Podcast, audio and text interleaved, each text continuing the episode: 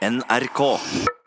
Skumle historier til å fortelle i mørket. 'Scary Stories to Tell in the Dark' er en film basert på noen moderne klassikere av noen barnebøker i USA, som har verdenspremiere denne fredagen, altså i morgen, og også i Norge. Dette er den uh, nye filmen fra André Øvredal, altså norsk regissør, kjent for alvor gjennom 'Trolljegeren' og så etter hvert 'The Autopsy of Jane Doe'. Nå jobber han med toppene i Hollywood, for en av produsentene og manusforfatterne er Guillermo del Toro, meksikaneren som i fjor vant Oscar for The Shape of Water. Jeg føler òg at jeg gjør ting jeg virkelig har lyst til. Dette er filmer som virkelig utfordrer meg kreativt. Altså, jeg er bare veldig heldig som får lov til å utfordre meg sjøl på denne måten i et Hollywood-system som tross alt krever at filmene er av en viss type og form for at de skal fungere kommersielt. Det sa André Øvredal da vi møtte ham litt tidligere. Vår filmkritiker Birger Vestmo har sett 'Scary Stories to Tell in the Dark'. Some people believe if we repeat stories often enough, they become real. At den Oscar-vinnende filmskaperen Guillermo del Toro valgte André Øvredal til å regissere sin siste produksjon, 'Scary Stories to Tell in the Dark', er en enorm tillitserklæring. Øvredal kvitterer med en gjennomført formsterk og helstøpt grøsser, der man gjenkjenner elementer fra begges respektive filmkarrierer. Den inneholder f.eks. noen skrekkelige skapninger som lett kunne vært med i Del Toros Pans labyrint, og noen nervepirrende sekvenser der det overnaturlige overlapper virkeligheten, akkurat som i Øvredals The Autopsy of Jane Doe. Spørsmålet er om det er nervepirrende nok. En film som heter Scary Stories to Tell in the Dark, gir på en måte en lovnad om seriøs skremming, men den er ganske mild i grøssinga. Den er morsom, underholdende og skikkelig godt skrudd sammen, men kun med fordel vært både skumler og råer. Do you want to see Haunted House?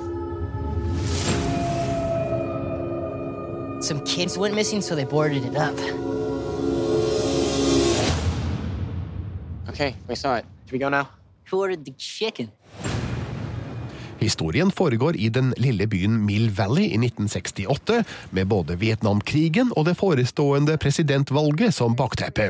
High school-vennene Stella, Chuck og Augie tar sitt nye bekjentskap Ramón med til et skummelt hus på halloween. Der finner de en gammel skrivebok med skumle historier, som på mystisk vis blir virkelige. Når deres egne navn begynner å dukke opp i tekstene, blir det en kamp mot klokka for å finne sannheten om bokas forfatter, før historiene blir Sarah Bellows' book. When the stories write themselves and it all comes alive.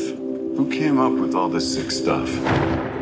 Scary Stories to Tell in the Dark kan ikke beskyldes for å være spesielt original, men André Øvredal etablerer effektivt både tid, sted og figurer på en måte som resulterer i et par begivenhetsrike timer. Filmen har et godt og variert persongalleri, sjøl om man får inntrykk av å ha sett de samme variantene mange ganger før, i alt fra klassikere som A Nightmare on Elm Street, Fright Night og The Goonies, til nyere tids It og Stranger Things. Akkurat som i de nevnte filmene og serien har Scary Stories to Tell in the Dark den samme gode blandinga av varme vennskap og iskalde grøss. Det spørs bare om filmen greier å skille seg ut i mengden av grøssere som stadig inntar kinoer og skjermer. Den har flere udiskutable kvaliteter, men det er ikke til å komme ifra at de samme kvalitetene er å finne andre steder. André Øvredal har uansett laga en film som han med rette kan være stolt av. Den trykker på mange av de riktige knappene for tilhengere av gode, gammeldagse skrekkhistorier. Augie! Stella! Listen, you're in the next story. We're reading it right here. It's a corpse looking